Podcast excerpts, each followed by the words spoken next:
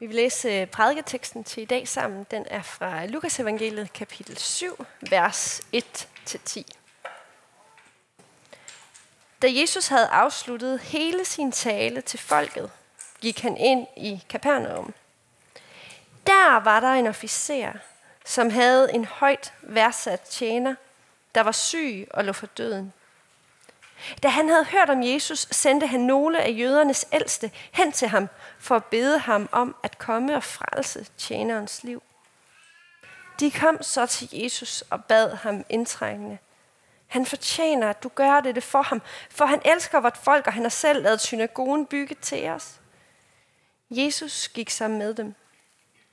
Men da han var næsten fremme ved huset, sendte officeren nogle venner ud for at sige til ham, Herre, gør der ingen ulejlighed for jeg får ringe til, at du går ind under mit tag. Derfor regnede jeg mig heller ikke selv. Derfor regnede jeg mig heller ikke for værdig til selv at komme. Men sig blot et ord og helbred min tjener. Jeg er jo selv en mand, der står under kommando og har soldater under mig. Siger jeg til en, gå, så går han. Og til en anden, kom, så kommer han. Og til min tjener, gør det og det, så gør han det. Da Jesus hørte det, undrede han sig over ham og vendte sig om og sagde til den skare, der fulgte ham. Jeg siger jer, ikke engang i Israel har jeg fundet så stor en tro. Og da de, som var sendt ud, vendte tilbage til huset, fandt de tjeneren rask.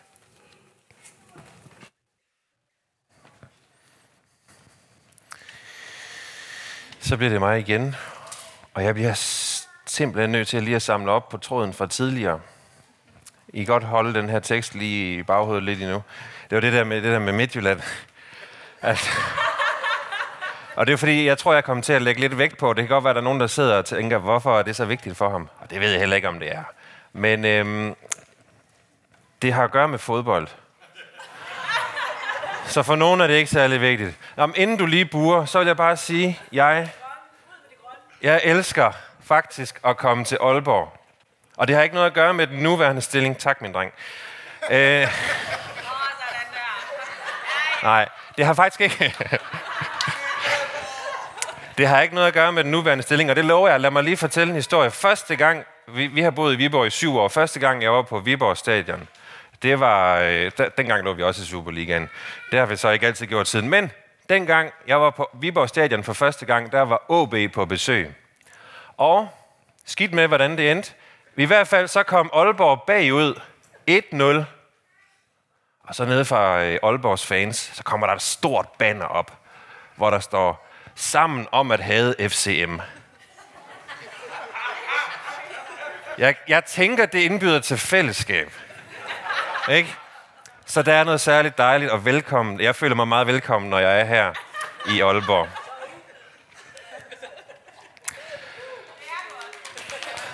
Tak. Tak for det. Øhm, ja, udover at være øh, præst i Viborg Oasekirke, der er jeg præst på halvtid, så arbejder jeg øh, lige nu på Finderup Høj Skole, som er en øh, helt almindelig folkeskole, hvor jeg har haft mange gode timer i første A. Og det, it's a jungle på mange måder, men det er også rigtig fantastisk. Efter den allerførste dag, hvor jeg var inde i første A, så tænkte jeg, nu skal jeg lige fortælle dem også, hvad er det egentlig, jeg så laver, når jeg ikke er inde i første A. Og jeg tænkte, vi laver en lille gættekonkurrence, så jeg skrev øh, fem forskellige professioner op på tavlen. Der var noget med øh, bager og professor og skraldemand og øh, ja, præst var der jo selvfølgelig også. Øh, og så tænkte jeg, nu skal de prøve at gætte på, hvad for en af dem det er. Og der er 20 elever i klassen, og de gættede alle 20 på, at jeg var professor. Det er første klasse. Og så kan man jo undre sig lidt over, hvorfor I sidder og fniser af, at de gættede på, at jeg var professor. Jeg havde lyst til at sige til dem, at øh, det var så, simpelthen så langt fra virkeligheden, som overhovedet, det overhovedet kunne være. Fordi jeg bliver aldrig professor. Øh, omvendt så kan jeg ikke stå, hvorfor de ikke gættede på bager. Der har jeg godt nok brugt mange timer men øh, det, kan de, det havde de åbenbart ikke regnet ud. Noget af det her øh, meget, meget skønne ved de her børn, det er, at i enhver situation, så reagerer de bare med umiddelbarhed. Og øh, da jeg så sagde, at jeg var præst, så fik jeg mig bare sådan en rynket næse. Og præst? øh, ja, jeg er præst. Men det, at de troede, jeg var professor, det gav mig faktisk lidt at tænke over. Hvorfor troede de, at jeg var professor? Var det mit tøj, eller min ord, eller sådan min måde at tale på? Jeg ved et barn i første A overhovedet, hvad en professor er. Og så kom jeg til at tænke på, at vores billede af virkeligheden, det tager form efter mange forskellige erfaringer og tanker og følelser. Måske troede først, at jeg var professor, fordi jeg faktisk havde lært dem et rigtig svært ord den dag. Jeg havde lært dem, øh, ja, det var også lidt øh, ikke så vigtigt for første dag, men det er fordi, der stod UFO i deres læsebog, og så var jeg jo nødt til at fortælle, hvad det ligesom var en forkortelse for. Uidentificeret, det var sådan et lidt svært ord for et førsteklasses barn. Men det kan godt være, at det var det, de sådan tænkte, nå, han kan nogle svære ord, han må være professor.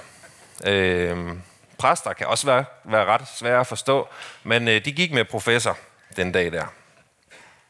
Deres erfaringer og deres tanker og deres følelser danner et virkelighedsbillede.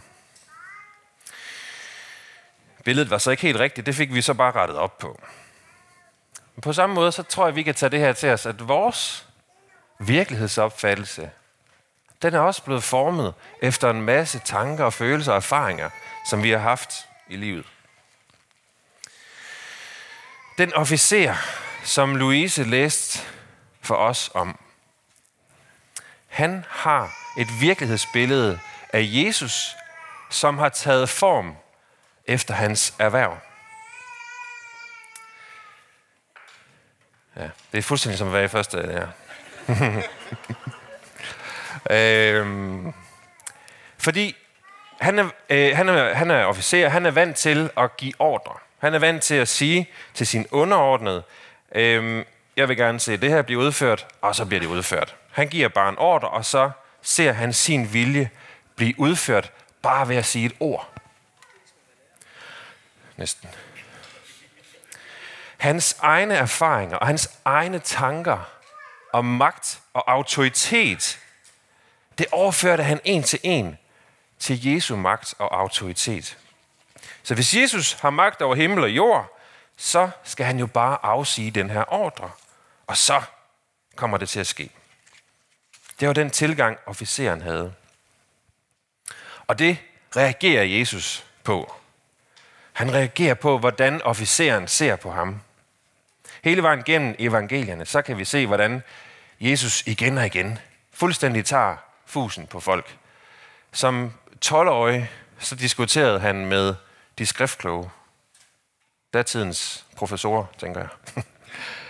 øh, og som voksen, så laver han mirakler. Masser af mirakler. Mirakel på mirakel på mirakel. Og folk de står bare tilbage sådan helt, wow, hvad sker der? Men nu er det så Jesus, der står og siger, wow, hvad sker der lige her? Der er nogen, som simpelthen har, simpelthen har en stor tro.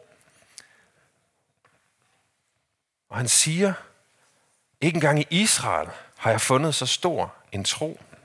Au, hvad?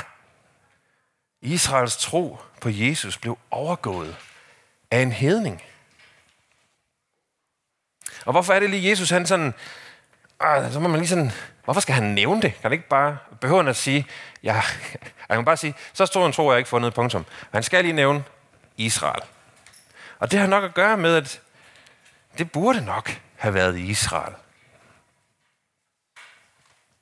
Israel var Guds eget folk, og selvfølgelig burde de være de første og de bedste i troen på Jesus. Det er de bare ikke. Og jeg tror, Jesus kritiserer sit eget folk lidt her, fordi de har sovset troen på Gud ind i alt muligt. Alt muligt andet end en relation. Fordi troen handler om tillid til Gud. Troen er en tillidsbåret relation til Gud. Det siger jeg lige igen. Troen er en tillidsbåret relation til Gud. Prøv lige at vende dig til din sidemarker og sig, troen er en tillidsbåret relation til Gud.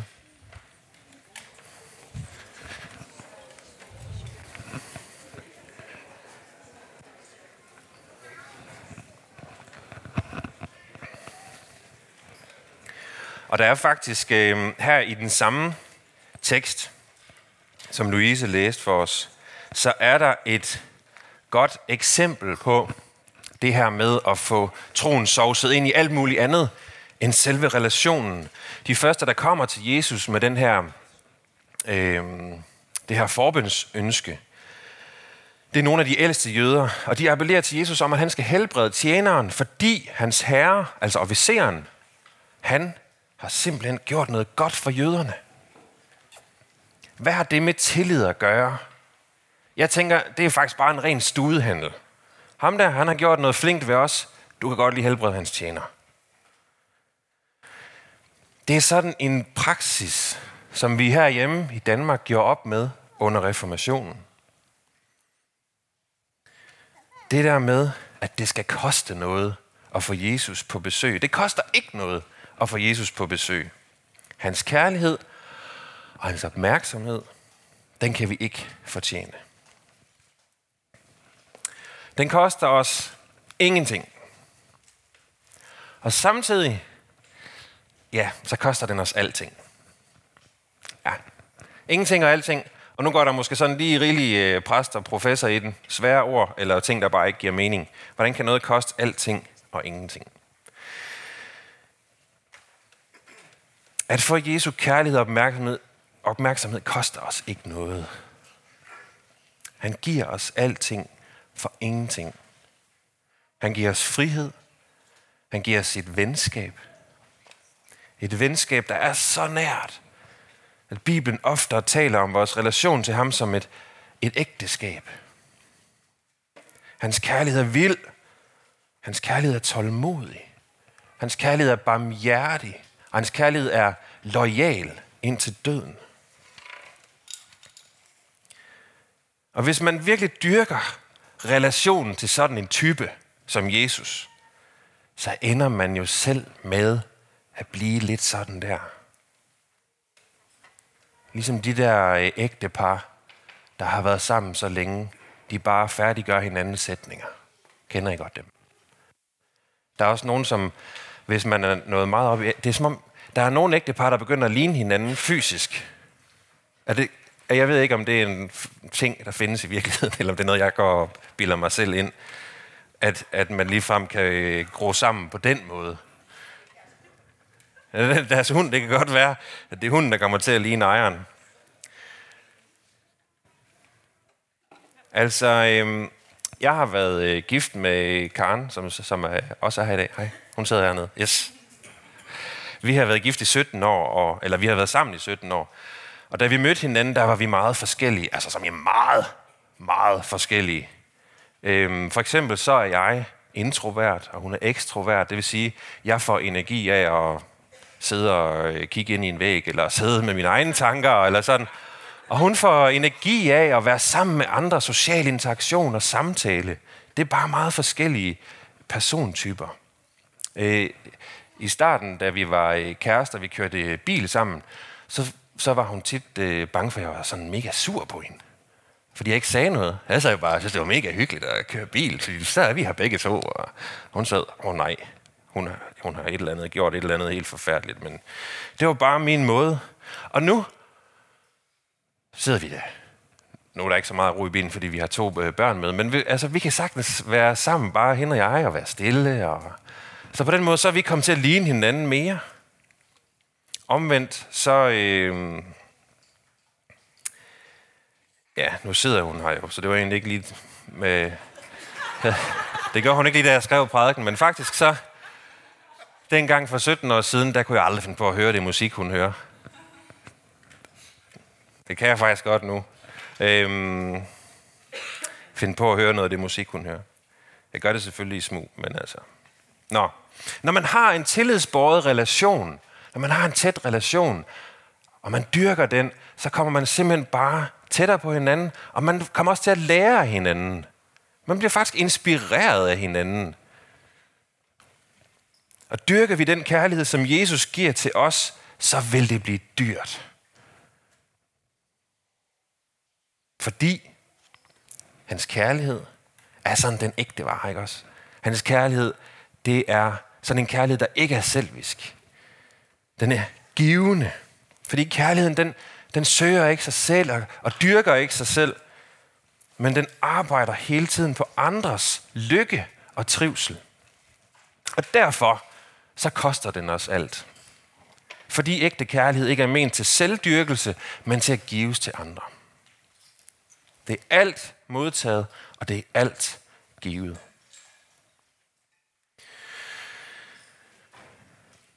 En stor tro handler altså om at have meget tillid. Officeren havde meget tillid. Vi ved faktisk ikke rigtig så meget om den her officer. Vi ved ikke, om han følte sig elsket af Jesus. Det gjorde han måske. Det gjorde han måske ikke. Men han vidste, at Jesu kærlighed ikke var bundet af, hvem han var, eller hvad han følte. Faktisk så viser han den her ekstreme tillid, selvom han egentlig føler sig fuldstændig uegnet til Jesus, fordi han siger, du skal ikke komme hjem til mig, for jeg er så ikke vær, værdig til dit besøg. Men han har åbenbart ikke noget imod at sige til Jesus, øh, helbred min tjener. Bare sig det ord.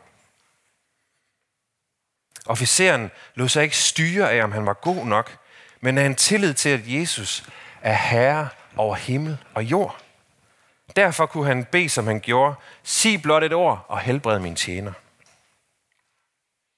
Og officeren havde tillid til, at Jesus kunne og ville helbrede.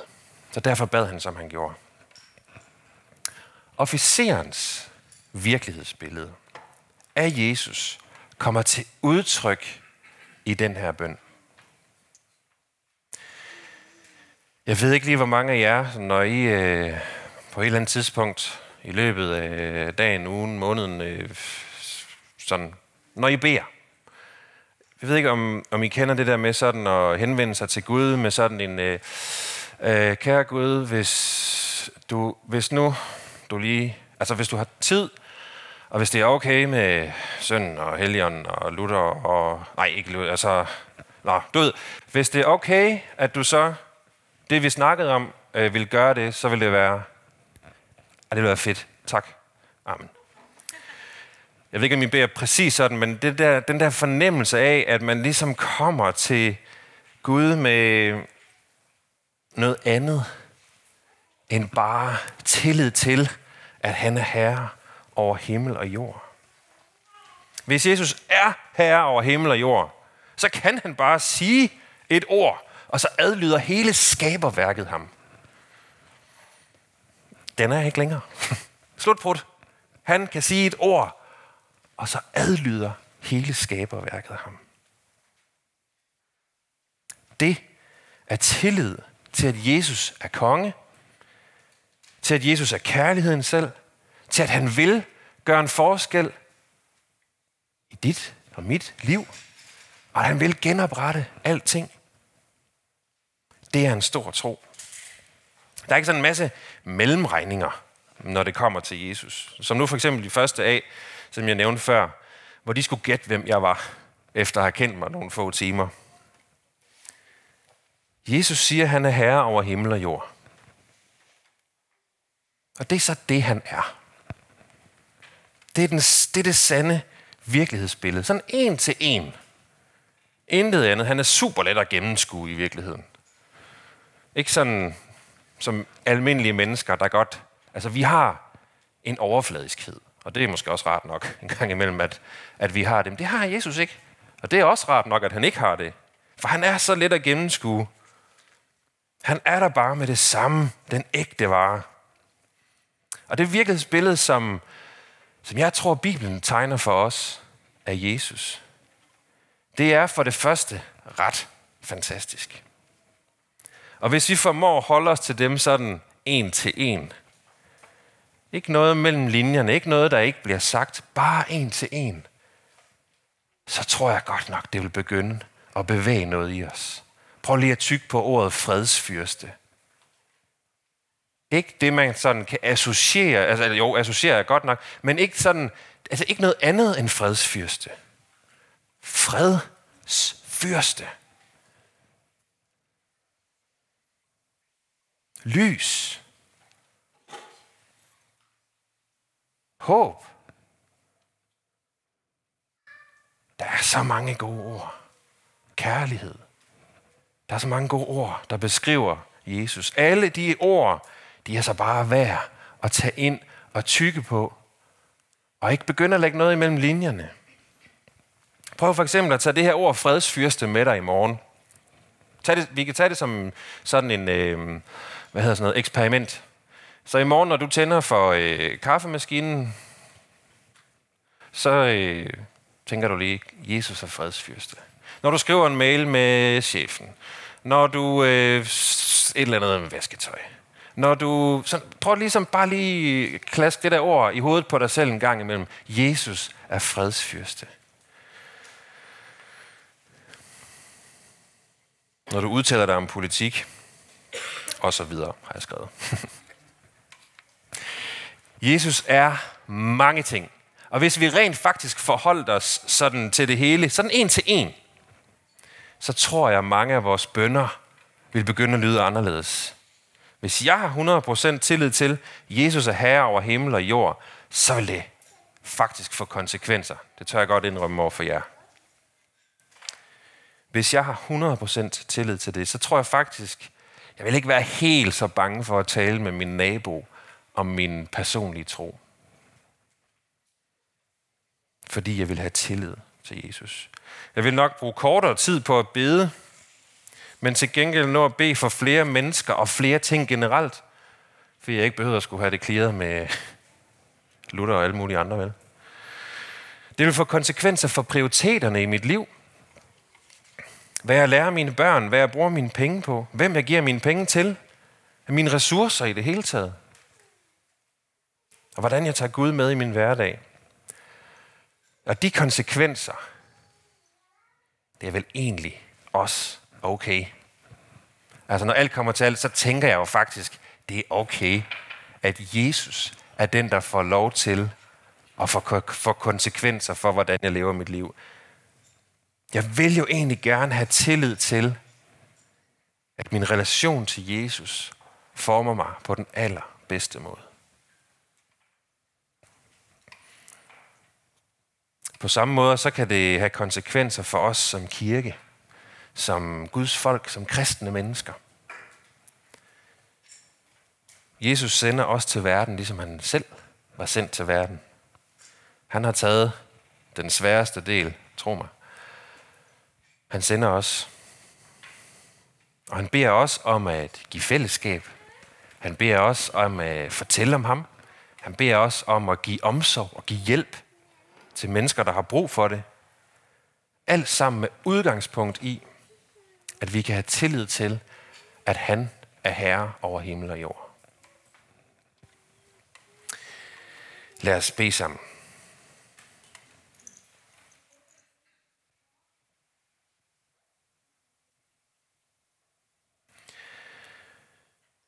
Jesus, tak for øh, den måde, som øh, du møder mennesker på. At det for os er et kæmpe forbillede hvor du hjælper os til at træde i dine fodspor så godt som vi kan.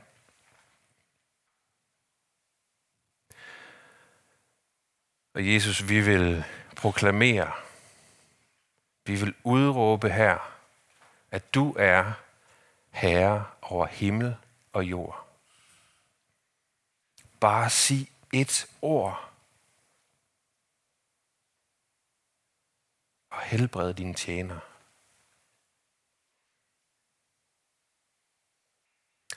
Jesus, vil du møde os i vores afmagt og vores fortvivlelse?